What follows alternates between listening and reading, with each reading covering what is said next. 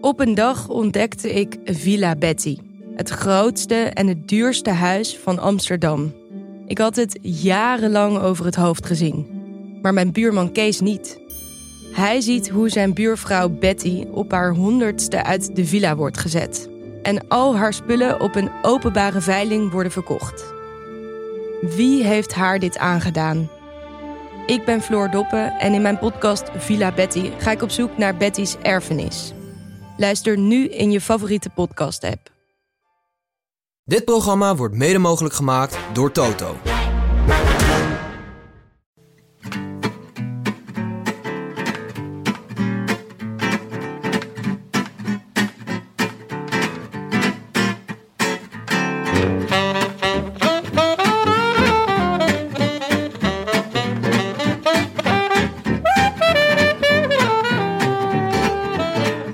Het is vrijdag 8 februari 2019 en aan de lange dagen zonder koers komt langzaam een eind. Live vanuit Leidse Rijn in Utrecht is dit de Rode Lantaarn, de wielerpodcast van Het is Koers.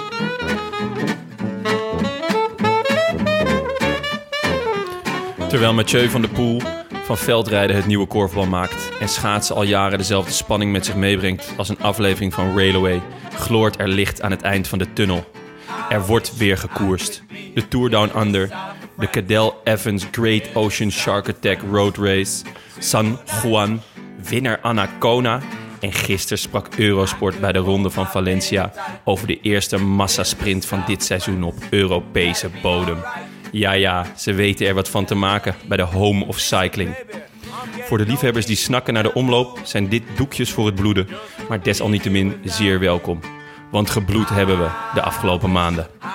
Onze gast van vandaag ligt misschien niet voor de hand, maar dat maakt het extra spannend. Volgens de website van zijn team Sunweb maakte hij de overstap naar Sunweb rechtstreeks vanuit de camper van zijn ouders.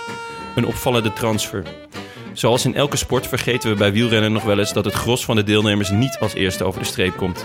Messi heeft gemiddeld per wedstrijd drie minuten de bal. Dat is, naast Latan, de beste voetballer ter wereld. Kan je nagaan hoe weinig de rest de bal heeft. In dat licht is het dan ook zeer interessant om eens te praten met een renner die wellicht niet gelijk tot de verbeelding spreekt met glorieuze overwinningen, maar minstens net zo belangrijk is als de jongens die wel regelmatig met de zegenruikers aan de haal gaan. Vandaag zitten we aan tafel met een van de mannen die Tom aan zijn tweede Giro-zegen moet gaan helpen. Welkom, Martijn Tusveld. Martijn, dank dat we bij je langs mochten komen, of mogen komen. Nog even op de valreep van het winterseizoen. Wat, uh, wat heb jij vandaag gedaan? Ja, nou, het was weer een, uh, een grijs en regenachtige dag. Dus uh, vanochtend heb ik maar even krachttraining gedaan. En nou ja, hopelijk vanmiddag kan ik dan nog een mooi rondje fietsen. Heb als je het even, droog is. even aan de guns gewerkt? Ja, niet de armen, nee, nee. Nee? Wel de benen, ja. Hoeveel, ja. hoeveel druk je? ja, niet veel denk ik. Ik denk dat het beter... eh, Hoeveel zet je weg met je benen? Wat, is- wat, is dan, eh, wat, wat voor oefeningen doe je? Eh, ja, ik doe squats en boxjumps. Ik doe wel een heel klein programma eigenlijk. Maar dat is ook... Wat zijn dat? Ja, gewoon springen. Jumpen op een box. heel simpel eigenlijk. het klinkt niet lastig en het is ook niet heel lastig. Het is gewoon Maar het is gewoon voornamelijk ja, explosiviteit. Niet heel veel kracht, maar wel explosiviteit. En heb je, hier een, eh, heb je hier een goed rondje in de buurt? Om te fietsen. Ja. Ja, he- hele veel, heel veel mooie rondjes. Eh, ik vind deze omgeving eh, is wel heel veelzijdig. Dus onder andere Utrechtse Heuvelrug natuurlijk, waar je veel bos hebt. En de andere kant op is weer veel polders, dijken. Ja, het is, ik vind het mooi fietsen hier, ja. Wat ga je vanmiddag doen? Ik heb eh, de tijdritfiets net binnen, dus ik denk dat ik eh, Oh. een rondje op de tijdritfiets ga rijden. En dat is een nieuwe, hè? Pinarello. Ja, ja Cervelo, hè? Oh, Cervelo, ja. Ja. Sorry, excuus. Oh, Eerste Ja. foutje is Oh, alweer ja, maar jij bent ook, het, het is voor jou ook net het begin van het seizoen, hè? Ja, maar toch. Het is nog even wennen, hè? Al die nieuwe fietsenmerken en zo. Ja, ah, toch teleurstellend. Ik ben niet Ja. boos, alleen teleurgesteld in mezelf. Oké, we moeten nog Er is heel nog even... verbetering mogelijk. hè? Het is nog bij, het komt bij Jo- Jon is ook een diesel, hè? Die is ergens bij de Tour is hij op zijn, eh, op zijn sterkst. Eh, we moeten nog even wat administratie doen voordat we uitgebreid met Martijn gaan praten. Oh ja, goeie. Ehm, we zitten hier met Jonne en Tim en Martijn. Dus geen Willem. Geen Willem. Willem is op... Is eh, Willem ontslagen? Heb ik eindelijk eh, mijn, mijn plek, eh, heb ik een ellebogenwerk? We hebben ernstige gesprekken met hem gevoerd. En we hebben gezegd, je moet er echt even tussenuit naar Australië. Het zat hem hoog aan het einde van uh, afgelopen seizoen. Terecht ook. Afgelopen seizoen was niet zijn beste seizoen. Maar uh, hij is... Het was echt teleurstellend. Ja, ja dat is, dat, nu die hier niet is, kunnen, we dat wel, kunnen we dat wel zeggen. Zeker, de messen zijn geslepen. Maar hij, hij is een grote reis aan het maken. En hij is op dit moment in Australië. En het enige wat we van hem ontvingen de afgelopen weken was een uh, plaatje van een loopvogel die hij bijna had aangereden. Ja, uh, hij was bijna verdronken in die, uh, in die, um, die overstroming daar toch? En toen glibberde hij met zijn caravan nog een berg af. Bijna tegen deze loopvogel aan. Hoe heette die loopvogel? Ja, de Casu, Casuaris. De Casuaris, zoiets was het. Volgens mij Casuaris. Ja. Ik ken hem niet. Zag er schitterend uit. Ja, prachtig beest. Een beetje een soort Mario Cipollini in zijn beste dagen. ja, maar toch raar dat je als vogel denkt van... nou, ik ga gewoon lopen. Je hebt vleugels. Ja. Ik zou zeggen, gebruik ze. Ja, niemand vroeg aan Willem hoe het was op zijn reis... maar iedereen begon te zeiken over die loopvogel. Dat is waar. ja. Maar nog even een ander puntje. Um, Eurosport. Uh, ja, wij gaan... Uh, wij ja, gaan vertel jij het maar. Er komt een doorbraak binnenkort. Uh, wij, wij, waren, wij zaten met, met mensen van Eurosport te praten over het maken van een podcast. En toen zeiden wij, ja, als wij een podcast gaan maken samen... mogen wij dan een keer in een commentaarstoel plaatsnemen? en toen, toen zeiden ze, dit is een heel groot risico... maar als het per se moet, dan oké. Okay. Dus Gent-Wevelgem wordt uh, voorzien van uh, commentaar van ons. Alleen niet direct op tv, op de webplayer. Ik wou net zeggen, ja, wordt het wel op de webplayer al uitgezonden? Ja, of... Uh, de Eurosport Player. Ik denk dat je dan de Eurosport Player aan kan zetten... en dan gewoon de, een normale commentaar krijgt... en dan een knopje om kan zetten voor, en dan ons kan luisteren. Voor de rode lantaarngeneuzel. Maar heb jij al wat aantekeningen gemaakt? Ik heb um, Gent-Wevergem van 2015 er maar weer eens bijgepakt. Dat doe ik sowieso vrijwel elke winter. Als Ja. ik te lang geen koers heb gekeken. Kan je ons dan, even eh, herinneren, wat was het ook weer, 2015? Nou, dat is eh, de editie dat Geraint Thomas eh, geheel uit het niets de greppel inrijdt. Omdat het zo hard waait. Die Luca, de snifsnaffer Paulini, won die, die koers op zijn de 41 snifsnaffer? Snifsnaffer, dat is, ja, dat is mensen die van cocaïne houden. Ja, ja, ja. Die worden ook wel snifsnaffers genoemd. Oké. En Luca, die was er niet vies van, bleek achteraf. Ehm, maar hij won daar op zijn eh, 41ste of zo. Won hij toen Gent-Wevergem. Wat echt wonderbaarlijk was, maar het was de vetste We- Gent-Wevergem ooit. Michel en José wisten niet wat ze overkwam. Kan jij eh, deze nog herinneren? Ja, ja nu, eh, nu je het zei, inderdaad. En hij- dat was wel een legendarische editie, ja. Hij staat eh, volledig op YouTube. En eh, het mooie aan die koers is, is het langzame besef dat, dat, dat dit echt een wereldeditie is. En dat er continu discussie is tussen Michel en José of het niet geneutraliseerd moet worden. Oh ja, vanwege Heerlijk. de wind. Ja, dat Ja. is absurd. absurd. Ja, dan maakt het leuk natuurlijk. Dat, Ja. Daar verheug ik me op. Ik verheug me ook op het eh, voorlezen van de fileberichten. Ik denk dat we dat ook gewoon gaan doen. Ja, en eh, wat hadden we nog meer bedacht? Beursinformatie. Beursinformatie, fileberichten, gewoon... eh, Veel over Het weer, kloosters, het weer. kloosters en Eerste Wereldoorlog graven praten. Ja. Die zijn van alle markten thuis. Ja, dat zeker. lijkt me, ja. Ik ga Herbert bellen of ik zijn kastelenboek mag lenen. Ben, jij, eh, ben jij een enthousiaste podcastluisteraar eigenlijk? Ja, nu sinds eh, afgelopen jaar wel. Ja, ik ben het een beetje gaan volgen. Voornamelijk eh, vanaf de Vuelta eigenlijk. Toen Ah, ja. jullie met eh Jetse Bol begonnen te bellen. Oh ja, nou dat, dat ik snap dat Toen dat wilde ik, trek. Ja, toen wilde ik wel eens horen wat hij er nou van vond van die Vuelta. En, Ken je, eh, ken je Jetse een beetje? ja, ja, ik ken hem wel redelijk goed, ja. Leuk. Dus dat is wel leuk om te volgen. En eh, ja, in die Vuelta hadden we ook ontzettend veel eh, lange verplaatsingen. Dus dan is het, moet je toch je tijd eh voormaken in die bus. Ja. Toen ben ik een beetje begonnen met eh podcast luisteren. Ja, ik vond het wel leuk. Ik verheug me wel op het moment dat jullie in het peloton op zo'n, eh, in de Vuelta op zo'n lange snelweg gewoon denken van... Ja, jongens, heel even een podcastje. Ja. Even true crime podcastje, Ja. een stukje. Ik zou het wel weten hoor. Gewoon op de oortjes. Kan toch gewoon? Zeker. Telefoon mag niet eh, mee, hè? Maar als ze dat nou via de auto misschien kunnen uitzenden of zo, dat Ja. zou wel... eh, Ja, Ik bedoel, die eerste 100 Prima zijn, kilometer ja. gebeurt er toch niks. eh, zeker in de Vuelta niet. ja. In de Vuelta heb je wel een paar etappes waar dat, eh, waar dat zou kunnen, ja. Ja, Vond je, vond je veel dingen herkenbaar van, eh van Jetse? Ja, ja dat, is, eh, dat is wel het mooie om eh, daarnaar te luisteren, inderdaad. Dan, dan eh, herken je alles. Dat is Ja? eigenlijk wel het leukste ervan, ja. ja. Heb je die van, eh, van Armstrong ook wel eens geprobeerd? Nee, die heb ik eigenlijk nooit ge- geluisterd, nee. Ik kan me niet voorstellen dat er één renner is die zou zeggen... ja, dat vind ik ook volstrekt Herkenbaar. herkenbaar. nee, ja, dat zou wel niet Ja. zo handig zijn als dat eh, zo zou zijn. Nee. Nou ja, maar sowieso die, dat, dat, die van Armstrong, dat is heel veel reclame toch ook? Eh, Dus ja, dat- tegenwoordig. Maar dat was, ja. dat was in de eerste twee seizoenen viel dat wel mee. Ah, oké. Maar hij is nu gewoon, ja... Laat hem lekker. Hij is een beetje door zijn gesprekstof heen. Dus dan gaat hij Ja. nu gewoon lekker producten aanprijzen. gelijk heeft hij. Ja, ik hoorde dat hij wel echt, echt wel hele goede dingen zegt. Dat het wel echt leuk is om naar te luisteren. Maar Ja? ik heb het nooit echt gehoord, nee. Hij is echt een grote Dumoulin-fan. Dat, is, eh, dat, is, dat vind ik wel leuk om naar te luisteren. Ben jij een grote Dumoulin-fan? Nou ja, het is wel mooi om te zien, ja. Ik vind het wel mooi om te zien. Ja. Vooral eh ja, tijdritten vind ik wel mooi om te zien natuurlijk van hem.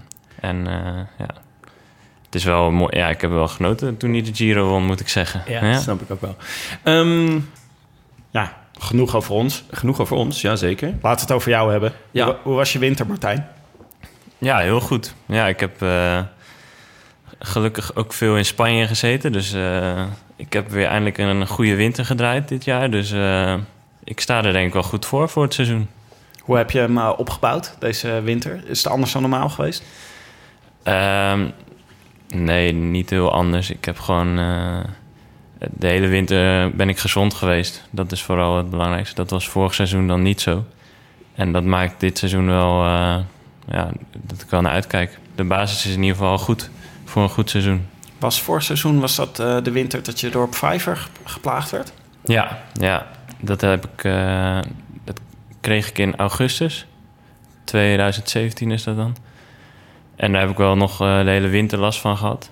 En ook Ja. eh, het begin van afgelopen seizoen ook nog wel. Toen heb ik een, eigenlijk een terugslagje gekregen. Had je met Mark Cavendish gezoend? Gelukkig niet. Die, heeft ook, die had ook Fiverr, toch? ja. wanneer was Ja, dat? voor de tweede keer. Oh, Clear ik dacht dat je het... in België zeggen. ik- eh, Clear? Clear. Ik dacht dat je dat één keer kreeg, maximaal. En Nee. dat je het beter vroeg kon krijgen, Nee. zodat je het later niet meer kreeg. Als je dus meer dan eh 30 overwinningen in een grote ronde hebt, dan kan je hem nog kan je een hem keer nog een keer krijgen. Oh. Nou, dan hoef ik niet bang te zijn dat ik het tweede keer... eh, Nee, wat dat betreft eh, zit, je, zit je voorlopig goed in ieder geval. Er komen er 29 overwinningen in, eh, in de Giro. Maar is Dat dat, is fijn. ingrijpend eigenlijk, Fiverr? Dan kan je niet trainen, denk ik, als je dat... Nou, dat is, het is wel heel verschillend. Dus ik, ik kon nog wel fietsen, maar alleen, eh, alleen echt eh, korte ritjes, één uur en twee uur. Maar je hebt ook mensen die, die schijnen alleen maar op bed te kunnen liggen. Ja, zo erg was het bij mij niet. Ik kon gewoon nog wel eh, rondjes fietsen, maar echt intensief eh, niet. En je hebt ook hele, je hebt mensen die, die er soms volgens mij wel twee jaar last van hebben. En mensen die er misschien twee of drie maanden last van hebben. Hoe lang heeft het bij jou geduurd? Ja, ik heb van augustus tot en met... ja, eigenlijk december eh, heel weinig gefietst. Toen heb ik in de winter wel goed getraind en ook in Oman weer begonnen, dus in februari. Maar toen heb ik wel weer een terugslag gekregen. En uiteindelijk pas in mei weer helemaal voor mijn gevoel gezond geweest. En toen weer echt kunnen trainen. Hm. Oké, nice. Wij hebben altijd eh, ter eh, introductie eh, van onze gast... eh, grijpen we even terug op de beroemde Voetbal International rubriek persoonlijk. Ben je daarmee bekend? Ja, ik heb de afgelopen podcast geluisterd. Maar het is wel jammer. Ik, heb, ik had het moeten voorbereiden misschien. Hè? Ja. Die nummers. Oeh, Je had die Ja, ja, nummers... dat heb ik niet eh, gedaan. Ja, Ja, het is, eh, maar ken je hem uit eh Voetbal International ook? Nee, ik lees die eigenlijk niet, nee. Het is, eh, Maar, volgens mij leest niemand hem meer. Voetbal International. nou ja, Ik denk alleen Willem en dan kan, alleen de rubriek ik persoonlijk. ook hoor. Ik eh, heb een abonnement zelfs. Echt? Ja joh. Wel eh, online. maar goed, niettemin. VI Pro hè, ik kan het zeer Pro. aanraden. Oké. Maar goed, even over de VI-rubriek persoonlijk. Nou, we hebben dus een aantal, eh, eh, een aantal items uit de rubriek hebben we op een rijtje gezet. En dan kiezen we daar, eh, kiezen we daar gewoon een paar uit. Jonne, ik denk, ik denk dat jij gewoon... eh, nou, kies er drie of vier uit. Ja, ehm, dit vind ik wel jeugdidolen. Wie was jouw jeugdidool? ik, ik had niet echt een jeugdidool eigenlijk. Nee. Ook niet op de fiets, nee. Nee, gewoon helemaal... eh, je vader, je moeder mag ook. ja, ja, dat misschien dan, ja. Ja? ja. Nee, ja, nee, ik heb eigenlijk ook... eh, de, eerste jaren... ik ben pas op mijn dertiende begonnen. En daarvoor heb ik er ook nooit echt veel naar gekeken op tv, dus... Voor het saai. ook niet echt... Dat zeggen mensen altijd tegen mij. Wielrennen is toch super saai? Ja, misschien, ja, in mijn jeugd misschien nog wel, voordat ik echt begon met fietsen. Dat is denk ik pas iets later gekomen. Maar eh, ja, het was wel, dat was wel de periode van Armstrong. Dus dan, als we op vakantie waren tijdens de tour, dan, dan las ik wel aan de krant eh, dat Armstrong weer eerste stond. Dus eh, het leek me ook wel saai. Het was elk jaar hetzelfde. Ja. Oké, oké. Favoriete boek? Favoriete boek? Wielrenners lezen graag tussen. over het algemeen? Of eh, is, is dat in jouw geval niet zo? Eh, ja, ik zit nu... eh, ik, ik lees wel veel, maar dan eigenlijk alleen als ik dus aan het reizen ben of zo. Ja? Dus als ik, eh, Wat lees of je? in het vliegtuig Wat is je favoriete boek? Nou, ik heb nu Dan Brown, De Oorsprong, die heb ik, eh, ben ik aan het lezen. Spannend. Het is wel, wel een dik boek, moet ik zeggen. Welke, welke, wel- welke is dat ook Dat is de nieuwste, toch? Dat is de nieuwste, ja. ja. Het Ik heb hem nog niet gelezen. Ook de eerste die ik eh, van hem lees, maar Ah, ja. die, die schrijft wel erg goed. Nee, Ja, ik ben ja, wel door de hele... Ik, ik ga wel door zijn hele oeuvre heen, hoor. Ik heb ze tijd. allemaal, Da eh, Vinci Code, Bernini Mystery. Zeker, genieten. Ja. Mickey Mouse horloge. Maar daar ben ik wel... Mickey Mouse horloge. Oh ja, dat zit in, eh, in een van die twee. In, in allemaal. heeft Ro- eh, Robert Langdon. een Mickey Mouse horloge. Hij heeft een Mickey Mouse horloge en daar gaat hij nog wel prat op. Heeft hij dat in het nieuwste boek ook? Daar ben ik nog niet eh, aan toegekomen. Oh, misschien is de Mickey Mouse horloge kapot. Dat is wel een... eh. Verloren. Misschien is dat het nieuwe plot. Oké, doe jij nog eentje uit, Oké. eh, uit rubriek Ehm, persoonlijk. Trainer. Mijn trainer, Ja. Dat is eh Koen de Haan nu. Eh, sinds, ehm, sinds november ongeveer dat hij mij traint. En bevalt het goed? Het bevalt goed, ja. ja. Maar dan Hij- ben je ges- geswitcht. Want ik heb uit betrouwbare bron, jijzelf, dat vorig jaar eh, dat het Eike Visbeek was. Nee, ja, dat was mijn coach. Ah, We, we hebben zo een trainer en een coach. Ah, ja, oké. dus, eh, en eh, vorig jaar, maar het klopt wel dat ik geswitcht ben. Vorig jaar zat ik bij Morten. En die is nu naar de Deense Bond gegaan. Die is daar head of performance geworden. Dus ik ben wel geswitcht. En wat is dan het verschil tussen een trainer en een coach in, in het wielrennen? Bij ons in ieder geval is het dan zo dat eh, ja, de trainer die geeft, daar heb, ik dagelijks contact mee over eh, trainingen. En eh, hoe dat allemaal gaat. En de coach, daar kan je bij terecht over je wedstrijdprogramma of over persoonlijke dingen. Oké. Ja, zo proberen ze het een beetje te verspreiden. Dat je ook niet alleen maar één iemand, met één iemand binnen de ploeg contact hebt, maar dat je dat een beetje eh, ja, met verschillende mensen contact hebt. Oké. En hoe vaak heb je dan bijvoorbeeld met Eike contact? Ja, dat, dat verschilt een beetje. Ik, ik denk eh, dat ik één keer in de twee weken of zo met hem bel. En zo af en toe eh, ook natuurlijk gewoon WhatsApp of zo. Oké. En dan eh, de laatste vraag uit dit rijtje, waar je de hele podcast over na mag denken. Wat is je, als je één dag een dier mocht zijn, welk dier zou dat dan zijn?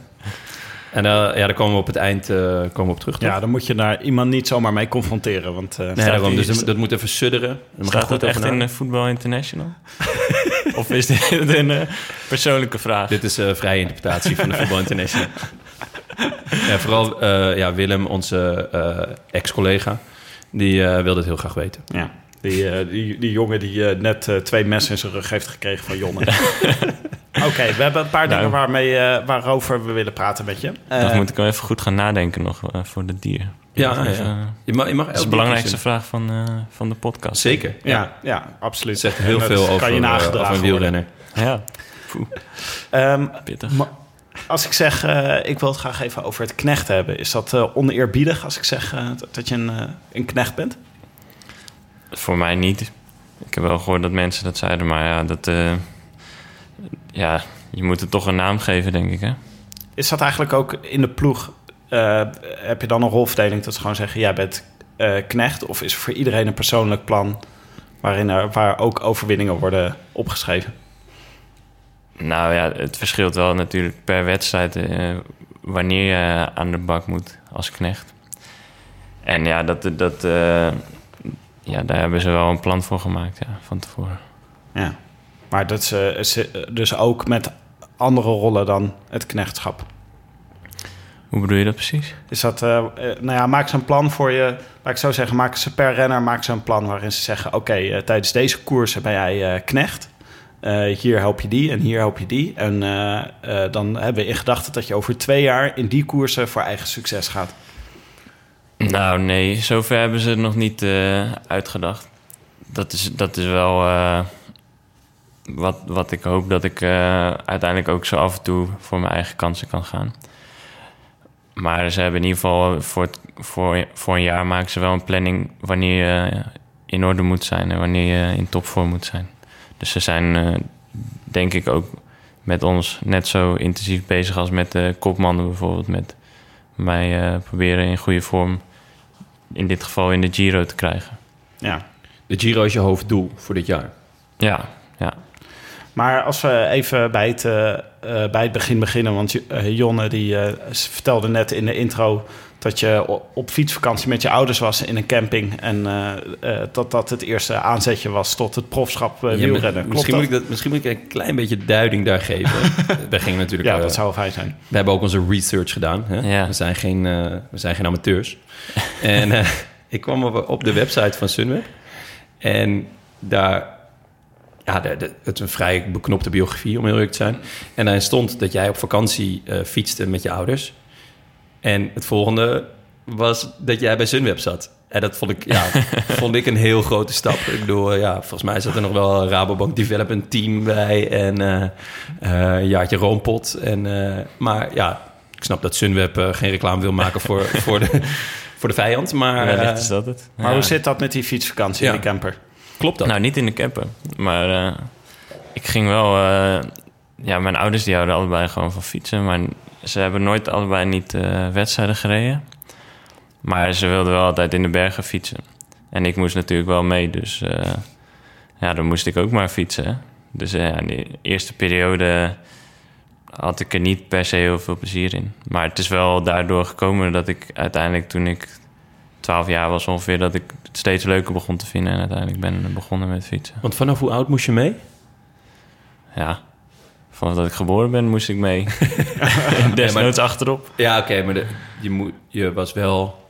Vanaf wanneer moest je zelf, moest je ja, zelf trappen? Ik, ik heb ook uh, zo'n aanhangfiets gehad. Oh, ik echt? ja, ja, ik weet het. Dat ja. zit zo aan de stang van je... Ja. ja. Je hoeft in ieder geval niet te sturen dan. En nee. dan uh, nou ja, dan... Uh, ik vraag me af... Ik denk dat ik de helft van de tijd dan niet meetrapte... maar dat ik aan het slapen was of zo. Maar ja, ik denk dat ik van zesde of zevende misschien achtste of zo, dat ik wel zelf een fiets had. Ja, dan gingen we, zijn we wel eens met van die uh, tochten mee geweest, met die georganiseerde tochten met veel kinderen. Ja, dan, dan wordt het al wel leuker. Als je gewoon met uh, veel andere kinderen een soort tocht door de bergen maakt. Ja. Uh, heb je nog broers of zussen? Nee. Ah, oké. Okay. Maar je bent, je bent begonnen bij het, je, je carrière is begonnen bij het Rabobank Development Team, toch? Zat er nog, een, ja. zat, zat, er nog iets voor? Nou ja, ja, de junioren natuurlijk, nieuwelingen junioren. Maar bij de Rabobank uh, is het wel echt begonnen, ja, natuurlijk. En wat voor soort, uh, wat voor soort rijder was je daar? Uh, ja, tijdrijder vooral. Ik had mezelf nog niet echt ontdekt als klimmer of zo. Dus voornamelijk tijdrijder. Ja, ik moest me natuurlijk ook gewoon nog ontdekken bij zo'n ploeg. Ja. Met welke jongens van toen van nu zat je toen in het team? Beetje, wat was een beetje jouw generatie? Het, e-, het, eerste jaar dat ik erbij zat, toen, toen zat Dylan natuurlijk bijvoorbeeld er ook in. En, van Baarle? Van Baarle. Ja. Wilco Kelderman was net overgegaan. Ja, Jetseboy ook net overgegaan. Uh, en Dumoulin volgens mij ook net dat jaar. En uh, ja, van mijn generatie heb je bijvoorbeeld uh, Danny van Poppel, die, die oh, zat dat ja. jaar erbij. Daar heb ik mee gereden. Nou ja, later uh, met Lennart of Steden, Sam Omen. Ja. Al die mannen. En merkte je gelijk van, oké, okay, dat, dat zijn wel echt toppers in spe? Of had je zoiets van, nou, ik kan ze eigenlijk wel hebben? Of het is ongeveer hetzelfde niveau? Hoe, hoe gaat zoiets in de jeugd? Ja, het, het, is soms best lastig te zeggen op die leeftijd, denk ik. Als je nu ziet, sommigen zijn, uh, zijn nu natuurlijk gewoon hele goede profs geworden. En uh, sommigen waarvan je misschien dacht dat ze, dat ze echt goed zouden worden, die, zijn, uh, die fietsen helemaal niet meer of zo. Dus, het is heel apart. Ja. Is, het, is er veel onderlinge concurrentie? Of heb je zoiets van, nou, we doen het allemaal samen en is, is, wordt er wel echt gevochten voor je, voor je plek? Ja, bij Rabobank ja, de eerste twee jaar is vooral leren. Maar op het moment dat, dat je al dichter bij, uh, bij een profcontract komt, dan, ja, echt, echt als ploegrijden zat er daar niet echt in. Omdat iedereen eh, zijn eigen resultaten wilde rijden en uiteindelijk prof wilde worden. En dan, ja, dan gaat toch iedereen een beetje eh, zijn eigen kans. En hoe, hoe is het jou dan toch gelukt? Wat, wat, ja, wat, wat maakt jou... Nou ja, het heeft even geduurd. Eh, het heeft, eh, ik heb uiteindelijk vijf jaar bij, eh, bij Rabobank gereden. Maar dat ik uiteindelijk de stap heb gemaakt... is denk ik vooral omdat ik ook toen stage heb gelopen... bij Giant Alpecin. En dat ik toen ook al kon laten zien dat ik in grotere wedstrijden mee kon. Het probleem was een beetje bij Rabo... dat ik... ja, ik rijd niet zo makkelijk resultaten... Maar ik had wel altijd het niveau om lang mee te gaan. En pas in de World Tour wedstrijden merk ik dat ik ook gelijk gewoon goed mee kan. Dus hoe hoger het niveau, werd ik in ieder geval niet minder. En toen, eh, ja, toen ben ik uiteindelijk niet bij eh, Giant Alpes ingekomen, maar wel bij Roompot. Ja. En hoe is, is eh, hoe, is, hoe is je tijd bij Roompot gegaan? Want heb je een jaar gezeten, Ja, toch? Ja, ja dat was dus. ehm, ja, daar heb ik maar een jaar gezeten. En toen had ik eh, natuurlijk nog wel contact met, met Sunweb, omdat ik daar een stage had gelopen. En eh, ja, daar heeft toch die stage heeft uiteindelijk wel geholpen dat ik dan het jaar daarna toch naar Sunweb kon. Omdat ik al contacten had met hun. En ze, ze bleven me wel volgen bij Roompot. Dus eh, ja, dat was wel goed. Was het een goed seizoen bij Roompot? Ja, ik had wel een goed seizoen. Daar heb ik me denk ik echt voor het eerst ontdekt dat ik ook wel lang mee kan echt in de bergen. Dus op echt eh, lange bergritten met meer beklimming achter elkaar. Daar was ik nooit echt achter gekomen totdat ik eh Ronde van Zwitserland reed en best lang mee kon. Ja. Dus je moest gewoon een keer, het moest gewoon een keer voor het echi gebeuren. En toen eh, merkte je dat je eigenlijk Ja, hetzelfde niveau ja had. op dat niveau kon ik veel langer mee dan ik had verwacht eigenlijk. Want dan rij je ineens tussen de mannen die zich voorbereiden voor de Tour. En dan kon ik toch redelijk lang mee bergop. Weet je nog iets eh, met wie je, bij, bij, bij wie je in het wiel zat en wie er om je heen reden? Ja, ik, ik weet in ieder geval nog een keer dat ik wel een dag met Isaac Gier eh, reed. Dat ik dacht van, oh, dat is wel apart. Hey, even, Met welke, Jon of Gorka? Of Geen idee. Een van de twee. Wij zijn liefhebbers van allebei, dus Ja, ze zijn allebei ik heb bewonderingswaardig. geen idee eigenlijk. Leuk. Kunnen jullie ze uit elkaar halen? Ja, zeker. Ja, maar wij zijn ja, professionals. Wij zijn echt... eh, Dat is, dat is wel het verschil, Tijdens. Gent-Weverum gaat dat geen Professionals. enkel probleem worden. En, eh, Nee, dat wordt een drama. en toen je naar Sunweb werd gehaald, wat, eh, wat was toen eh, wat was het plan eigenlijk? Wat zeiden ze? Wat, wat voor rol moest jij gaan vervullen in de ploeg? Ja, daar is niet per se gelijk over gesproken. Maar ik zag zelf wel in dat ik waarschijnlijk niet gelijk eh, kopman zou zijn natuurlijk. nee, ja, het is gewoon... eh, ik, ik kan redelijk goed bergop. Ik kan redelijk goed tijd rijden. Maar ook weer, ik ben ook weer geen topper. Dus ja, dan kom je al snel natuurlijk in de positie dat je, dat je knecht bent. En ik denk dat dat ook wel eh, een hele mooie rol is voor mij. Zeker Ja. ook eh, omdat ik vind dat ik wel redelijk goed in het peloton kan rijden. Dus dan, dan kan je toch wel goed helpen op het vlak ook. Ja, wat dat betreft ben ik wel benieuwd naar. Want kijk, uiteindelijk worden natuurlijk gewoon alleen de allerbeste worden prof. En je rijdt nu op het, op het allerhoogste niveau. Ehm, en dan ben je dus knecht. Maar dan vraag ik me af, heb je bijvoorbeeld in de jeugd... was je dan gewend te winnen? Of eh, in ieder geval altijd kort te rijden? Want dan lijkt het me een heel moeilijke overstap om... Ja, stel je wint in de jeugd alles, je bent dus een van de beste... en dan eh, ja, word je prof en dan moet je in een ander soort rol schikken. Ja, ik denk dat er, dat er heel veel mensen zijn die dat inderdaad moeilijk vinden. Bijvoorbeeld mensen die inderdaad bij de jeugd heel veel wonnen. Maar ja, ik heb ook nooit echt veel gewonnen bij de jeugd. ja, nee, maar eh, toen ik begon met fietsen bij nieuwelingen junioren... toen ben ik gewoon elk jaar een stapje beter geworden. Maar ik heb, ik heb het altijd... eh, Ik heb nooit bij nieuwelingen junioren echt eh, veel wedstrijden gewonnen. En je ziet ook veel mensen die dan bijvoorbeeld die categorieën domineren... en dan bijvoorbeeld eh, totaal niet in het peloton konden rijden... omdat ze toch altijd of ervoor reden of gewoon lekker achteraan bungelen. Maar Ah. Ik moest altijd wel vechten voor mijn plekje. En dat heeft ook alweer opgeleverd dat ik nu makkelijker in een peloton rijd. Ja. Mooie ambacht vind ik dat, in het peloton rijden. Wat bedoel je daar dan precies mee? Is dat eh, goed positioneren of ja, niet bang zijn? Of wat, wat zit daarachter? Ja, nou ja, je, moet wel... Uh, als je een goede klimmer bent... dan moet je ook wel vooraan beginnen. Anders uh, heb je sowieso geen kans natuurlijk. Er zijn een hoop renners nu ook nog wel in het peloton... die, uh, die misschien wel hele goede waarden rijden... maar zich niet goed kunnen plaatsen voor een klim... en dan nog geen resultaat kunnen wie, rijden. Wie is daar dan een voorbeeld van? Wie is er echt noodwaar slecht in, in, in het peloton rijden? Ja, we hebben één, uh, één uh, jongen bij ons in de ploeg, Michael Store. En uh, ja, die, die rijdt waanzinnige waardes, blijkbaar. Maar ja, die, die komt uit Australië en die heeft daar waarschijnlijk alleen maar op super brede wegen gekoerst of zo. Want ja, als hij in een peloton komt, dan, dan zit hij eigenlijk altijd gewoon in het laatste wiel. Ja, ik heb het vaak over Australiërs gelezen. dat dat het probleem is als je in Australië leert wielrennen... dat je niet uh, gewend bent om over dunne straatjes te rijden... en over klinkers en dat nou soort dingen. Dat, in ieder geval, ik denk als je, als je in koers is... Ja, als je oplet en ze hebben een camera van achter in het peloton... dan, dan kan je best vaak van achteren zien. Maar ja, je hebt bijvoorbeeld, we hebben ook Michael Matthews in de ploeg... en, en die is daar juist weer heel goed in. Ah, ja. Moet ook wel als sprinter natuurlijk. Ja, precies. Dus um, ben je dan, uh, nou ja, als knecht um, en je bent goed in het, in, het, in het peloton rijden, ben je dan continu bezig met waar zit mijn kopman, hoe hou ik hem uit de wind, waar komt de wind vandaan? Is, zijn dat dingen die bij je continu mee bezig bent of eh, is het soms ook gewoon een beetje peddelen? Nou ja, dat, het is ook uh, soms wel even peddelen, ja, ja tuurlijk. Ja.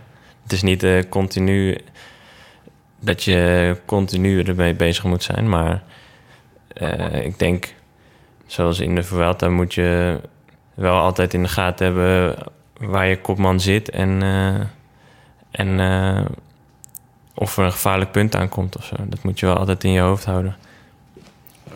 Er zijn toch neem ik aan wel verschillende soorten knechten. Als je zo'n ploeg samenstelt, als jullie, als jullie na een grote ronde zijn. Wat voor soort knechten moet je dan, moet je dan meenemen eigenlijk? Ja, ja nou ja, de, dat, dat is denk ik uh, het voordeel wat ik een beetje heb, dat ik dus allround ben. Dat ze mij wel op alle terreinen wel een beetje kunnen gebruiken. Dus ook, ik denk dat ik ook wel uh, lang mee moet kunnen bergop. Dus dat is denk ik voor mij wel een voordeel dat ze me nu uiteindelijk uh, mee hebben genomen of gaan nemen naar de Giro. Maar ja, natuurlijk heb je in ieder geval gewoon een paar mannen die, die lang bergop mee kunnen. Maar je moet ook zeker wel mannen hebben die, die dus op het vlak uh, iemand af kunnen zetten aan een klim. Maar hoe zit dat dan? Want ik, ik maak me altijd boos dat uh, Sky uh, naar, een, naar een koers gaat. En dat die acht man bij zich hebben die allemaal in de finale van de bergetappe meezitten. Maar die hebben toch ook mensen nodig, rijders nodig... die juist op het vlakke met, uh, hun kopman uit de wind kunnen houden. Of andere soorten, soort knechten. Maar het lijkt alsof die altijd een volledige bergploeg bij zich hebben. Ja, nou, die hebben in de Tour hebben ze altijd wel... Um, Row, Row, en Standard, ja, bijvoorbeeld. En afgelopen jaar hadden ze misschien Van Baarle ook wel in die rol mee kunnen hebben. Die gewoon, die kan... Maar het probleem is, die rijden ook natuurlijk gewoon nog echt wel heel hard bergop. Ja. ja. Niet zoals de andere mannen, maar die, die gebruiken ze gewoon echt op het vlakke. Is, uh, is Sunweb wat dat betreft evenwichtig? Is, uh, hebben jullie genoeg renners om voor alle soorten uh, werken in te zetten tijdens een grote koers? Nou ja, ik denk niet dat je het kan vergelijken met Sky, inderdaad. Maar uh, ja, ze, ze, ik denk wel dat we in de Giro wel echt een goede ploeg hebben. Bergop ook vooral. Ja. Wat is de specialiteit van Sunweb op het moment? Wat is, uh, wat is, uh, ik bedoel, wat is uh, het soort ploeg dat jullie momenteel kunnen samenstellen als jullie naar de Giro gaan?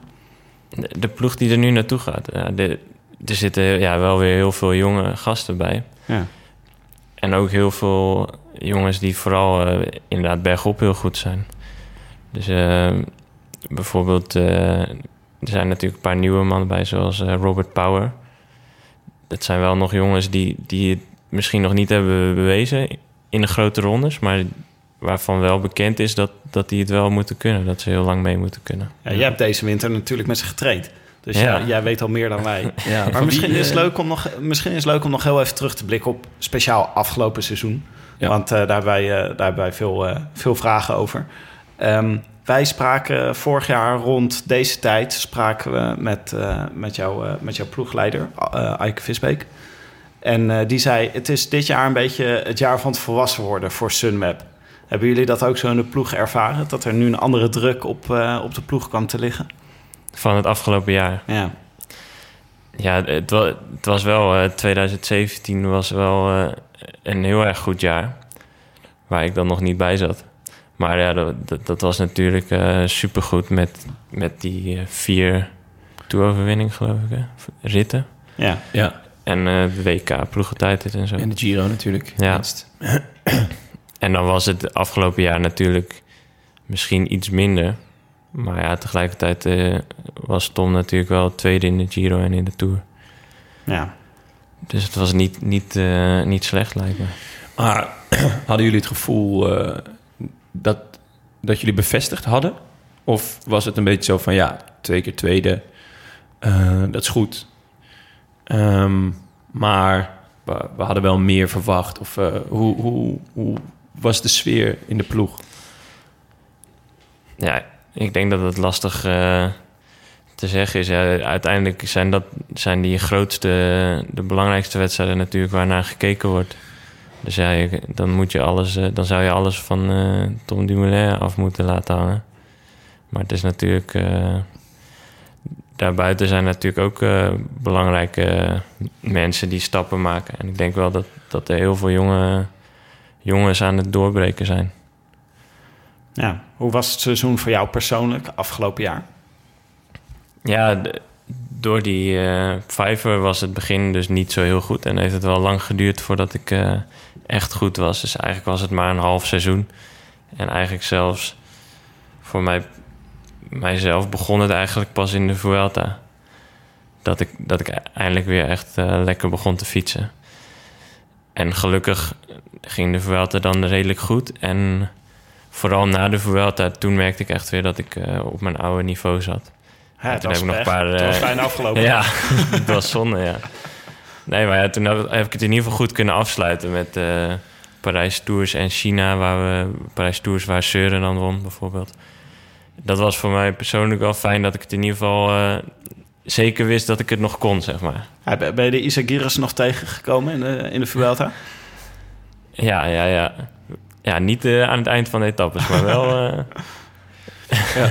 hoe, um, hoe, was, hoe hebben jullie die Vuelta beleefd? Want nou, jullie gingen er eigenlijk naartoe om, om te winnen met Kelderman.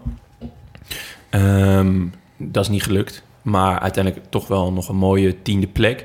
Um, hoe heb jij daar naartoe geleefd? Hoe bereid je je dan voor? Ik bedoel, ja, van, van, van een kopman kan ik me ongeveer bedenken. Maar ja, wat, wat, wat zijn jouw doelen tijdens zo'n tijdens zo'n drieweekse koers? Ja, ja, voor mij was het natuurlijk allemaal nieuw. Het was mijn eerste grote ronde. En ik had dus eigenlijk ook maar een kortere voorbereidingstijd. Ik had niet een vol seizoen uh, gereden met, uh, met wedstrijden. Dus dat was wel lastig. Maar ik probeerde me gewoon zo goed mogelijk voor te bereiden. En in zo goed mogelijk conditie te zijn. Achteraf was ik niet echt in topvorm. En uh, ja... merk je dat dan aan? Nou ja, gewoon puur uh, als je daar bergop rijdt, dan, dan merkte ik dat ik wel beter kan. Maar uh, ja, we hadden natuurlijk Wilco daar. En ehm, ja, inderdaad, van tevoren was er wel het idee... Ja, hij kan wel ver komen. Het jaar daarvoor werd hij natuurlijk vierde. Maar ja, hij had natuurlijk wel die blessure gehad. Dus dat was wel even afwachten aan het begin van de, van de Vuelta. Maar ik moet zeggen, die, ja, die eerste week was wel heel erg goed van hem. Ja. Toen was hij echt uh, een van de beste bergop. Ja. Maar uh, ja, uiteindelijk heeft hij dan wel die tweede week een uh, terugslag gehad. Waarschijnlijk toch een beetje dat zijn basis toch net, net te laag was na die valpartij. Ja. Maar hoe was het, hoe, hoe, hoe verliep het voor jullie ploeg? Was het in de eerste week, verliep alles naar zoals jullie het gewenst hadden van tevoren? Van tevoren wel. Op zich, uh, het is wel, de Vuelta is denk ik wel de, makkelijkste ronde om mee, uh, mee te beginnen. Omdat het niet zoveel stress is. En het, het begon ook best wel goed. Tot, eh, ik denk, de vijfde of de zesde etappe... dat het, eh, dat het dan toch wel fout ging met Wilco. Dat hij eh, zijn wiel kapot had gereden. En waren jullie en, en jullie als ploeg op dat moment? Konden jullie wel voor, wat voor hem betekenen? Eh, jawel, maar eh, ja, het, het was echt gewoon een heel Ja, erg ongelukkig moment eigenlijk. Want Ja. Jullie verloren 1 minuut 44 of zo? ja, ja nou, ik denk En dat dat precies klopt. Ja. En uh, eh, heeft goede research gedaan. Ja, ja, ja. Nee, hier hebben we Jon altijd voor meegenomen. Die, is, die kan dit soort dingen uit zijn mouw schudden. Ja. Nee, maar het, ja, dat was wel, wel behoorlijk ongelukkig. Hij had dan, eh, ja, viel deze keer eindelijk eh, zelf niet. Maar eh, er reed blijkbaar wel iemand tegen zijn achterwiel aan, waardoor zijn achterwiel kapot was. Ja. En, ehm, Maar daarvoor ben jij toch mee? Dan sta je gelijk naast hem en hou je je achterwiel eruit. En dan... Ja, maar Kunnen jullie het was net, net het was het allerslechtste moment om dat te hebben, omdat, het- omdat het in, eh, in waaiers eh, trok ineens. Ja. Ja, normaal als er een achterwiel kapot gaat op 20 kilometer voor het einde in een vlakke rit, dan is er niks aan de hand. En dan krijg je wiel en dan ben je 5 kilometer later weer terug. Maar dat, eh, die etappe was het niet zo, omdat het eh, helemaal uit elkaar lag, precies daar. Maar jullie gaan toch aan het einde van het seizoen... eh, kijk je terug op het, op het jaar. En dan denk je toch... In de Giro hadden we ook zo'n moment. Dat er net geen ploeggenoten bij Tom zaten op een cruciaal moment. Ja, En dan in de Vuelta is er eigenlijk weer op zo'n lullig moment wat gebeurt. Is dat dan, zeggen jullie... Ja, jongens, we moeten echt volgend seizoen... het helemaal omgooien om te zorgen dat we op dat moment staan. Ja, ik denk niet dat het in de Vuelta verschil had gemaakt als hij gelijk een wiel had gehad. Want hij heeft eerst nog een tijdje doorgereden, omdat het dus in verschillende waaiers lag. Maar inderdaad, zoals eh, wat in de Tour was met eh, Tom, ik denk dat, dat, wel, eh, dat ze daar wel mee bezig gaan. Dat ze misschien eh, altijd gewoon iemand achter eh, Tom willen zetten die, als er iets is, dat die gelijk van fiets kan wisselen. Ja. En eh, nog even terug, want Kelderman krijgt dan zo'n inzinking. Kan me voorstellen dat je als ploeg, als je daar naartoe gaat om te winnen... en je kopman heeft zo'n inzinking, dat, dat de ploeg ook een inzinking heeft. Wat, wat doe jij op zo'n moment dan om hem eruit te halen? Of wat doen, wat doen jullie als ploeg? Nou ja, het was op een gegeven moment in die tweede week was het minder. En toen was, was er zelfs wel sprake van dat hij voor de aanval wilde gaan. En dat hij eh, niet per se voor het klassement ging. Maar ehm, ja, ze lieten hem ook niet gaan. Omdat hij toch nog te dichtbij stond. Dus ja, het was een beetje twijfel van of hij nog voor het klassement wilde gaan. Maar achteraf heeft hij dat wel gedaan en ook nog die top 10 binnengesleept. Ja, Dus we, zijn wel, we hebben wel altijd eh, in hem eh, blijven geloven. En dat, dat moest ook wel, want we hadden verder ook vrij weinig in die ronde om te doen. Het was En- nou niet dat we heel veel andere mannen hadden die eh, etappes konden winnen of zo.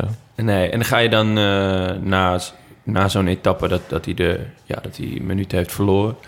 ga je dan even naar hem toe en praat je dan met hem? Of, of zijn er andere jongens voor? Hoe, hoe, hoe gaat zoiets? Hoe trek je hem uit die put? Moet je als knecht ook een arm om hem heen slaan? Ja, ja, bijvoorbeeld. Dat, kan, ik, kan ik me heel goed voorstellen. ik ik- weet van, van Ten Dam dat hij... Dat hij eh, eh, en Ten Dam is natuurlijk wat ouder, dus de- wat meer ervaring. Maar die heeft af en toe wel gewoon een, een arm om, om Dumoulin heen geslagen. Van, hey, eh, er is Ja. nog wel wat meer dan fietsen. En eh, laten, we een, laten we een steek op de barbecue gooien. Ja, ik denk die, die dag eh, inderdaad met dat hij eh 1,44 was. Ja. Ja.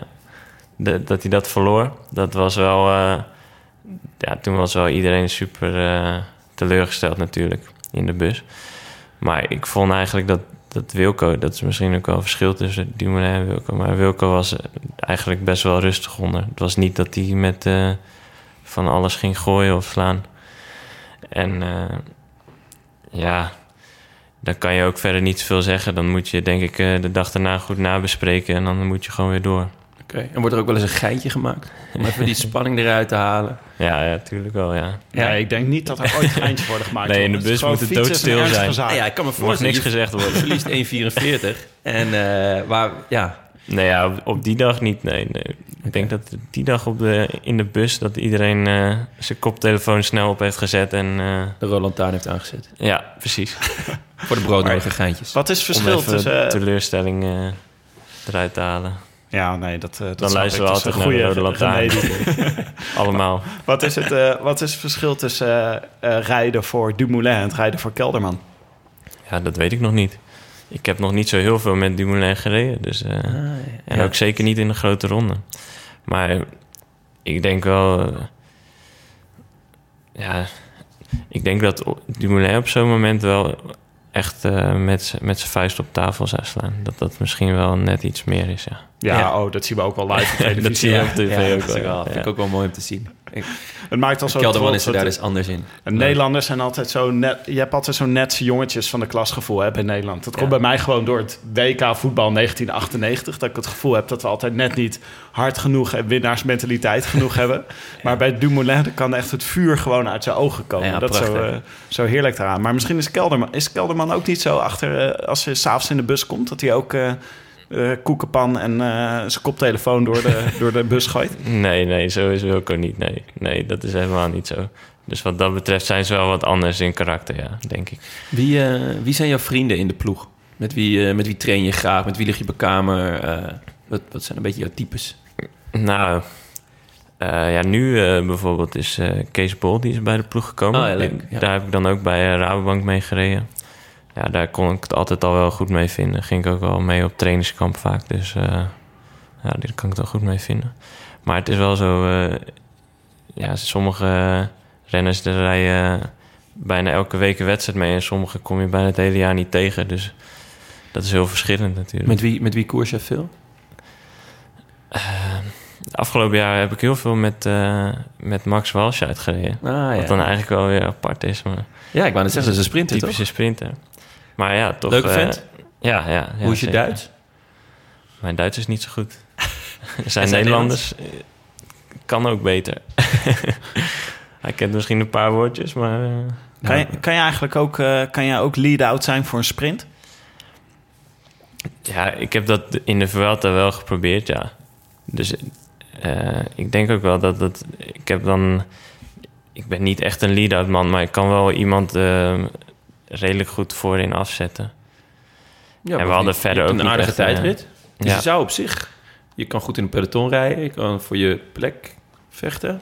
Ja, precies. zich wel een... Uh, Maar echte lead-out zit er dan niet in. Niet zo'n uh, lead-out zoals uh, Quickstep of zo heeft. Maar iemand afzetten, dat, dat, dat gaat op zich nog wel. Dat heb ik in de Vuelta al een paar keer nog een beetje geprobeerd. Om in ieder geval in de laatste twee kilometer of zoiets af te zetten. En ik denk ook wel, uh, ja, dat dat, dat, me, dat, dat wel uh, ook wel belangrijk is dat je dat ook leert. Ook voor jonge renners, dat je niet uh, alleen maar bergop aan het rijden bent, maar dat je ook op het vlakke je werk probeert te doen. Ja. Oké, okay, laten, we het, uh, laten we vooruitblikken op komend jaar. Ja, zeker. Um, we, het is al een paar keer gevallen dat je de Giro gaat rijden. Is je hele seizoen daarop afgestemd? Nou ja, er zijn nog wel genoeg andere wedstrijden. Maar het is wel... Uh, ik rij bijvoorbeeld begin van het seizoen ook al een paar hele mooie wedstrijden... met uh, Parijs-Nice en Catalonië bijvoorbeeld. Maar Giro is wel het hoofddoel inderdaad. Ja, ja. dus het wordt een etappekoers al uh, dit jaar. Of heb je ook ja. nog, uh, heb je ook nog uh, eendagsrit nou, op de... Ik rij wel omloop het nieuwsblad, dus oh, echt? Oh. de openingskoers. nice. En Gent-Wevelgem? Gent heeft hem niet. maar dat kan vast afschrijven. Het schijnt wel echt dat er daar heel vet commentaar gegeven gaat worden, namelijk. Maar, uh, we, zullen, we zullen proberen een paar keer tijdens de uitzending te vragen... zie jij zie je even, even heel goed Tussveld? Volgens mij zie ik Tussveld uh, ja. prachtig in, in het midden van het peloton. Daar is hij goed ik in. zie hem hoor, ik zie hem. hij zit daar voorin, hij zit heel goed mee. ja, dat is wel mooi, dan kan ik wel gaan luisteren. Ik ben wel benieuwd. Kijk hoe je het of gedaan dat hebt. wordt. Ja, kleine kans. ik ben benieuwd of ze het uit gaan zenden. Maar ga je dan in die, uh, in, tijdens Parijs-Nice en Catalonië... Ga je, dan, uh, ga je dan oefenen in je rol voor de Giro? Ga je dan met dezelfde ploeg? Ja, ik, ik rij geen wedstrijden met Dumoulin voor de Giro. Maar uh, ja, dan daar uh, in Parijs-Nice en Catalonië... volgens mij gaat Kelderman daar allebei de keren heen. Dus dan, dan is dat wel iets wat ik al kan oefenen, ja. En wat, uh, wat, wat wordt jouw rol daarin? Is, verschilt het nog van koers tot koers? Nou ja, je hebt daar... Um, Catalonië en zo is behoorlijk veel bergop rijden. Ik hoop mezelf dit jaar wel een beetje nog wat beter te gaan klimmen. Dat ik ook echt uh, verder in de finale kan helpen. Ja. Want dat is in de ploeg ben jij in principe nu voor de eerste berg om, uh, om mee te helpen. Ja, niet de eerste berg. Ja, het verschilt natuurlijk een beetje wat voor ploeg je mee hebt. Maar ik kan al wel vaak redelijk lang, eh, lang mee bergop. In de Vuelta, in de laatste week ging ik dan wel redelijk vaak rond... zat ik rond plek 50, denk ik. Ja. Dus daar kon ik al wel redelijk lang mee. Ik hoop dat ik eh, in de Giro nog net wat beter ben... en gewoon eh, ja, met de 30, 40 beste mee kan. Dus gewoon lang bij Dumoulin kan blijven. Dan. Dat is wel interessant. Je, je denkt dus echt in plekken. Dus niet eens binnen je team, maar gewoon binnen het peloton. Van, Ja, nou ja, dat kan je... ik zat er rond plek kan 50 natuurlijk met een per, goed stapje. per eh, ploeg verschillen. Zoals bijvoorbeeld in de Vuelta waren we niet met heel veel goede klimmers. Dus dan was ik de derde of vierde van de ploeg. Ja. Maar in de Giro eh, denk ik wel dat we echt een hele goede ploeg hebben. Dus ja, de, hoeveelste ik dan van de ploeg ben, dat weet ik niet. Maar Nee, maar je kijkt dus meer naar het grote geheel. Ja. Van, nou, ik zie hier het peloton rijden. Oké, top. Er vallen mensen. De achterdeur staat open. Ik zit nog goed. ja, Kijken of ik tot die eh, laatste 30... eh, ja tot de kan laatste blijven, klim erbij kan zijn. ja. Of misschien op de laatste klim nog. Ja. Oké. We nice. hebben wel eh, afgelopen jaar eh, veel eh, transfers gezien in het peloton. Wat zeg je dat mooi, Tim? Ja, transfers. Transfers. Dacht, eh, transfers gezien in het peloton. Maar bij jullie is natuurlijk Ten Dam weggegaan. Teunissen, Geske. Er is veel veranderingen geweest. Is, ehm, eh, hoe kijk jij naar de, naar de veranderingen binnen de ploeg? Heb je al een beetje met de nieuwe renners gereden? Ja, ja we hebben al nu drie trainingskampen gehad. Ja, het was wel jammer inderdaad. Dat Ten Dam en Geske waren denk ik ook goede mannen natuurlijk voor de rondes. En ook gewoon ervaren mannen. Maar ik moet zeggen, eh, bijvoorbeeld ja, Roach en Bakelands zijn wel weer twee ervaren mannen die ook wel lang bergop kunnen. Ik weet niet of het echt eh, precies dezelfde personen zijn. Het zal niet een directe vervanging zijn, maar ik denk dat ze, dat, dat, dat ze wel weer mannen hebben gehaald die eh, op zich wel lang eh, mee moeten kunnen. En brachten ze een nieuwe impuls bij de ploeg? Waar het, eh, nieuws, wat, wat, wat hebben ze meegebracht? Wat heb je al gezien? Ja, Jan Bakelands, eh, dat is wel. eh, die, die, maar die maakte vaak de rondjes, in ieder geval in eh, Spanje. Die is wel redelijk eigenwijs en die wil wel zijn eigen, eigen rondjes hebben. Wat houdt het in?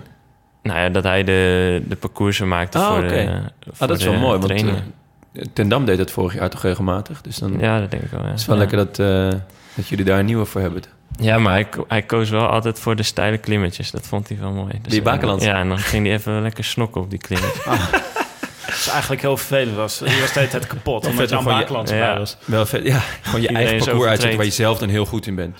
Oh ja, jongens, we gaan klimmen vandaag. Eh, ik heb een paar pêcheurs eh etappes eh, uitgezet waar ik toevallig heel goed in ben. Jongens, we nemen even de sprintploeg vandaag eh, de Alpe d'Huez over. Lijkt me leuk. Ja, Ja, welke jonge gasten van Sunweb? Want ik, ik zag nu dat er ook weer drie eh, werden overgeheveld, geloof ik. Of een, eh, een aantal werden overgeheveld uit het development team. Welke jonge gasten zijn jou opgevallen? Je noemde al eh, Power. Zijn er nog andere jongens waarvan je zegt, eh, die gaan echt vlammen dit jaar? Nou ja, ja, er zijn er natuurlijk een paar inderdaad van development overgekomen. Zoals Mark Hirschi. Ja. Die natuurlijk eh, vorig jaar wereldkampioen bij de belofte was. Ja, dat is altijd even afwachten hoe, hoe dat gaat in een eh profpeloton. Maar bijvoorbeeld ehm, Louis Vervaken is me wel eh, echt opgevallen. Die heeft natuurlijk eh, die heeft een tijdje last gehad, denk ik, van overtraindheid bij Lotto Soudal. Ja. En ook afgelopen jaar was nog Viel niet me een echt beetje top. tegen. Ja, maar hij reed op de trainingskamp echt goed. En hij, hij zei ook toch? dat hij, eh, ja, hij zei ook dat hij er echt eh, door aan het komen is. Echt? Dus ik denk wel dat hij, eh, Oh, dat zou heel mooi zijn. Dan hebben jullie Ja. inderdaad wel echt oprecht een sterke ploeg. Voor ja, dat denk ik ook echt wel. Ja. Maar is hij, is hij echt anderhalf jaar overtraind dan geweest?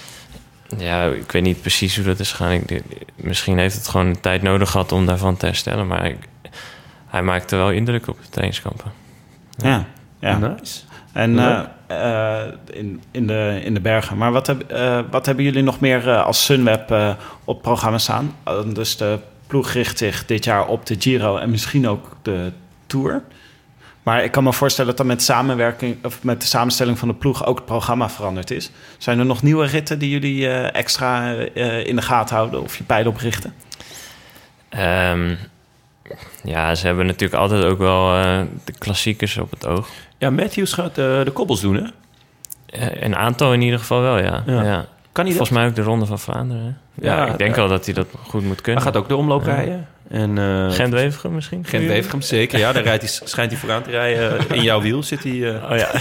ja, dat zou kunnen, ja. Ja.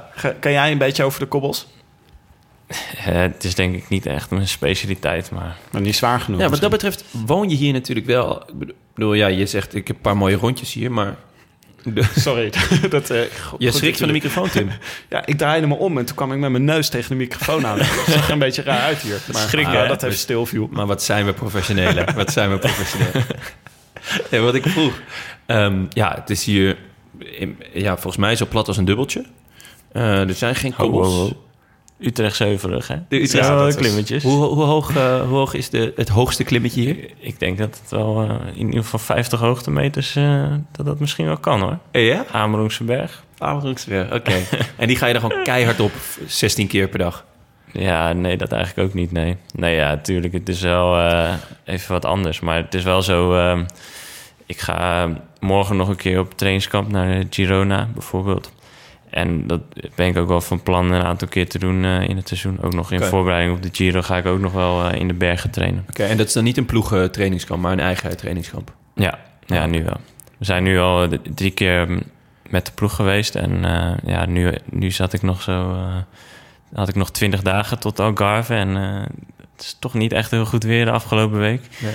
Dus toch nog maar een kampje erbij geboekt. Oké, en met wie dan? Of ga je gewoon solo? Nou, ik ga daar bij, eh, bij Taco van der Hoorn zitten. Die, Ah, die eh, heeft er nu een huisje gehuurd voor een paar weken. Drie weken denk ik of zo. Dus daar kan ik... eh Kun je crashen? zitten. Ja.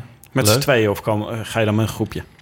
Nou ja, wel weer met z'n tweeën in huis, maar er zijn natuurlijk zoveel wielrenners. Er zitten ook een hoop andere van Jumbo bijvoorbeeld. Ja, volgend jaar moeten we ook een trainingskamp in Girona doen. Hoor. Ja. Ja. Dan kan je, kan je wel een paar podcasts opnemen. ja, ik wou wel. net zeggen. We kunnen niet alleen Willem op hoogtestage sturen. Nee, nee. Dat is, dit daar komen wij dit is tekort. wel echt onze, eh, onze next step. Ik heb nog een eh, paar luisteraarsvragen. Oh ja.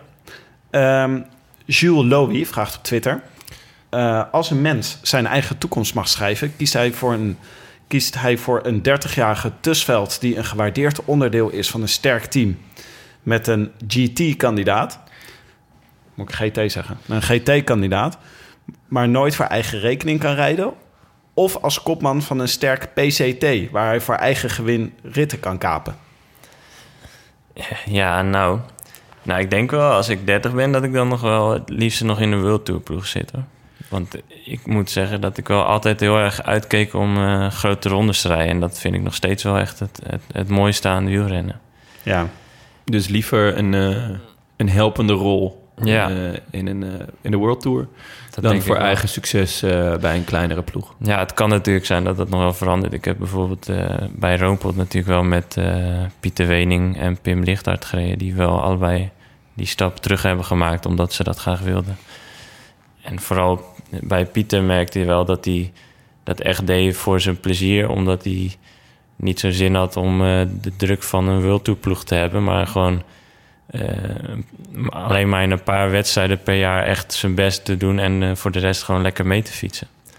En ja, misschien eh, heb ik dat uiteindelijk ook wel eh, over een aantal jaar, maar dan, dan denk ik pas echt aan het eind van de carrière.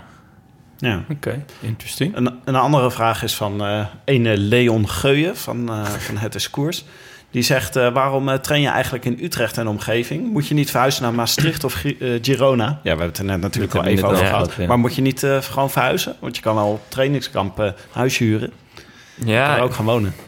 wie, wie weet ga ik dat ook nog wel op een gegeven moment doen. Dat ik of naar Girona of zo ga, of misschien inderdaad eh, bij Maastricht in de buurt. Ja. Dat, dat zit er nog wel in. Ja, dat, ik denk dat het toch wel gaat gebeuren. Nou ja. Uiteindelijk is... eh ik had dan die podcast, podcast met Van Baarle geluisterd. Die is eh, gelijk verhuisd, hè, toen hij eh, met jullie een podcast had. Ja, nu wij, weten waar, nu wij weten waar die woont, is hij gelijk weggegaan. Ja, bovendien, als je Emma in de Rode Lantaarn hebt gezeten... dan ben je ook vaak wel te groot voor Nederland. Dan ga je gelijk naar Mon- Monaco natuurlijk. Zeker, ja. Ja. Die belasting gelijk ontduiken. ja, daarom zit ook de Rode Lantaarn headquarters zit ook in Dat Monaco. moet ik ook maar eens gaan overwegen dan. Is er een eh, masterplan, vraagt ook Leon Geuyen, eh, een masterplan waarmee Dumoulin binnen een paar jaar de hegemonie van Sky kan aanvallen? Volgens mij is jullie masterplan om Sky te ontbinden. Dat Ik- gaat, ja, eh, ligt dat redelijk gaat toch redelijk aardig, ja. Ja. Maar zijn jullie daar, eh, zijn jullie, is dat iets waarmee jullie bezig zijn? Er is volgens mij daarvoor geen masterplan, nee. Nee, nee. eerst maar eens zien of ze nog bestaan inderdaad volgend jaar. Maar ik denk dat het wel... eh, Is er geen masterplan of wil je het ons niet vertellen? Ja, misschien is het nog wel geheim. Ja, ja dat kan ook. Geen Je- commentaar. Je weet dat eh Eike heeft toestemming gegeven, toch? Dat je gewoon alles mag verklappen hier. Ja, ja, precies. Alles mag gezegd worden. Ja, ja. Ik kan Een- alle geheimen uit de doeken doen. Een vraag van eh ene Maarten Visser is eh, of jullie gaan trainen op wielwissels. Zeker nu het langer gaat duren omdat jullie met discs rijden. Leuke vraag. Ja, maar het is wel zo dat, dat eh, de meeste van ons niet met de disc gaan rijden. We hebben twee fietsen. Een aerofiets en eh, een andere fiets. Klimfiets, zeg maar. En de meesten die gaan toch nog met die klimfiets rijden. Dus niet met discwielen. Ja. En jij? Ik rij ook met de klimfiets. Ja, dus gewoon... ik denk eh, dat er zo'n 7, 8 man nu met die, met die discfiets gaan rijden. Oké. En dat zijn voornamelijk de klassieke mannen die daarop gaan rijden. Ah. Dus Matthews en eh Walsh uit de sprinters. Ja. En Dumoulin en eh, alle mannen voor het klassement... die gaan gewoon op die eh, klimfiets rijden. Oh, echt? Ja. Wat, eh, waarom, is, waarom zijn eh discs dan een probleem voor klassementsrenners? Ja, ik denk dat die fietsen nog niet eh, op, op het lichtst mogelijk kunnen worden, worden gezet met die schijfremmen. Het is gewoon te Dus, zwaar ja, omdat het is ze nog te massiever zwaar. zijn of zo. Ja, door die schijven wordt het gewoon eh, wat te zwaar. Ik weet niet precies. Het zal niet heel veel schelen, maar is, eh, ja, dat is toch wel het belangrijkste natuurlijk voor klimmen. Dat dit gewoon op gewicht is. Dus die fiets moet gewoon op de limiet zitten. Oké, interesting. Is, eh, jullie, hebben, jullie gaan over op nieuwe fietsen dit jaar. Eh, hoe bevalt het tot nu toe? Ja, heel goed.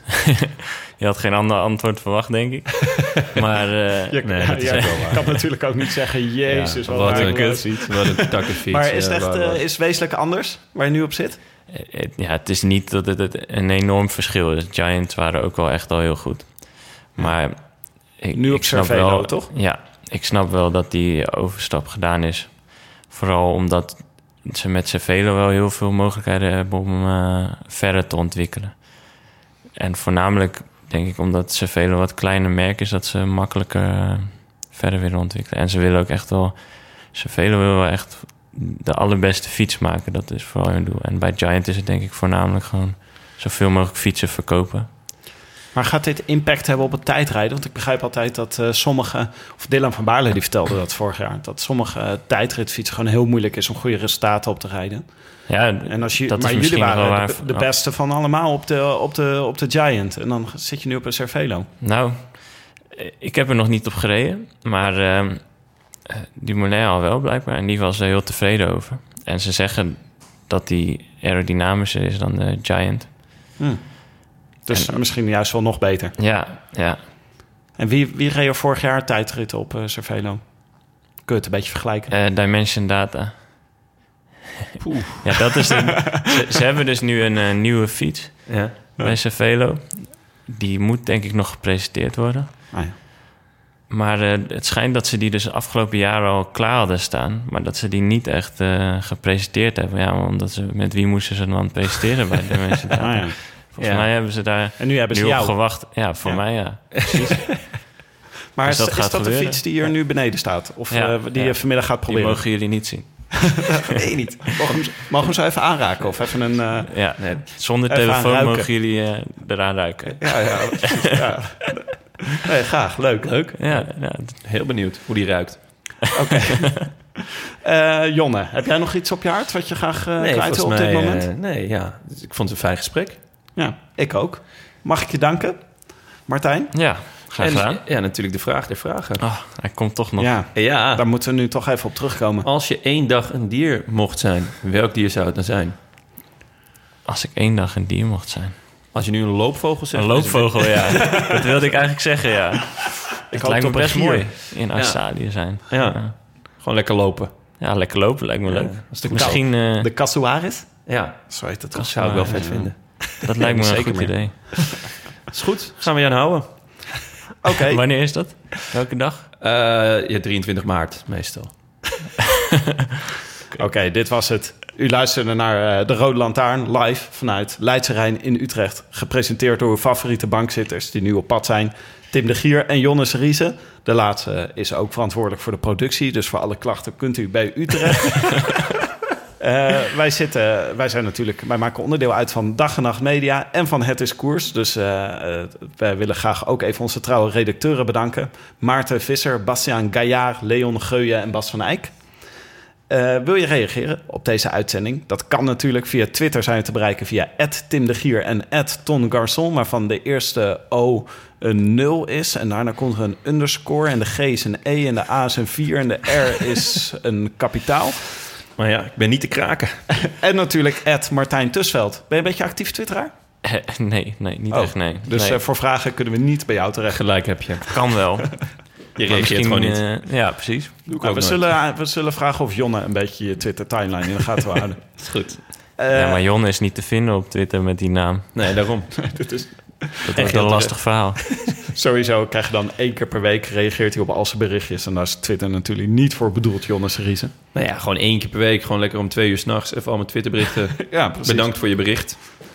Ja, precies. Dat zeg je dan meestal. Of ha, ha, ha, ha met een uitroepteken. Ja, ik ben, wel, ik ben wel goed lach. Ja, je bent goed lach. Zowel online als offline. Abonneer je vooral ook op iTunes of laat daar een reviewtje achter.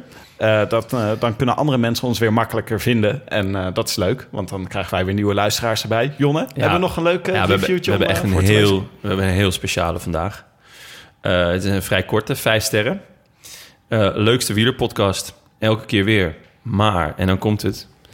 Um, de recensie is namelijk geschreven door Phil Bloem. En wie is Phil Bloem? Phil Bloem? Phil Bloem? Phil Bloem? Phil Bloem. Wie is Phil Bloem? Phil Bloem? Ja, ik moest het, ik moest het ook googlen hoor. Echt? Oh, nou ja, ik, het, het was uh, voor eind, mijn tijd. Eindexamenvraag, volgens mij zelfs. Um, de eerste uh, naakte vrouw op de Nederlandse televisie. Op de VPRO. En die luistert ook jullie podcast? Die luistert naar onze podcast. ik hoop naakt. Uh, want we maken hem ook naakt. Ja. dat weten jullie niet, maar wij zitten hier allemaal zonder kleren aan. nee, ja, dus echt een ongelofelijke eer. Ja, maar Tim, jij wou er nog eentje doen omdat je de recensie te kort vond. ja, te korte recensie. We hebben namelijk ook een vijf sterren gekregen van uh, de gerenommeerde internetgebruiker Drop en de Rover. Zeker zegt, in combinatie met veel bloemen erg leuk. ja, die, die, zegt een uh, heerlijke met de haat tussen haakjes podcast waardoor kundige liefhebbers van het wielrennen met een vrolijke insteek en zelfspot het wel en wee van het wielerwereldje wordt besproken. Jonne, wat ben je aan het doen? Je zit inmiddels met je neus in je beeldscherm. Ja, en mijn ogen worden net wat minder. Oh, dat is het. Ik was uh, afgelopen dinsdag was ik um, uh, op het eerste optreden van mijn nichtje op de basisschool. En uh, haar ouders die konden er niet bij zijn. En ik was dat volle bak aan het filmen. Ik zit midden in een recensie. Begin je nu deze anekdote ja, maar dit, te vertellen? Dit is echt Moet een goede anekdote. Ja? Oké. Okay. Nou ja, om aan te geven hoe slecht mijn ogen worden. Um, ik was dat dus aan het filmen. En ik denk, waarom ben ik toch de enige die aan het filmen is? Want tegenwoordig filmt iedereen alles. Zeker als, er kinderen, uh, als het hun eigen kinderen betreft.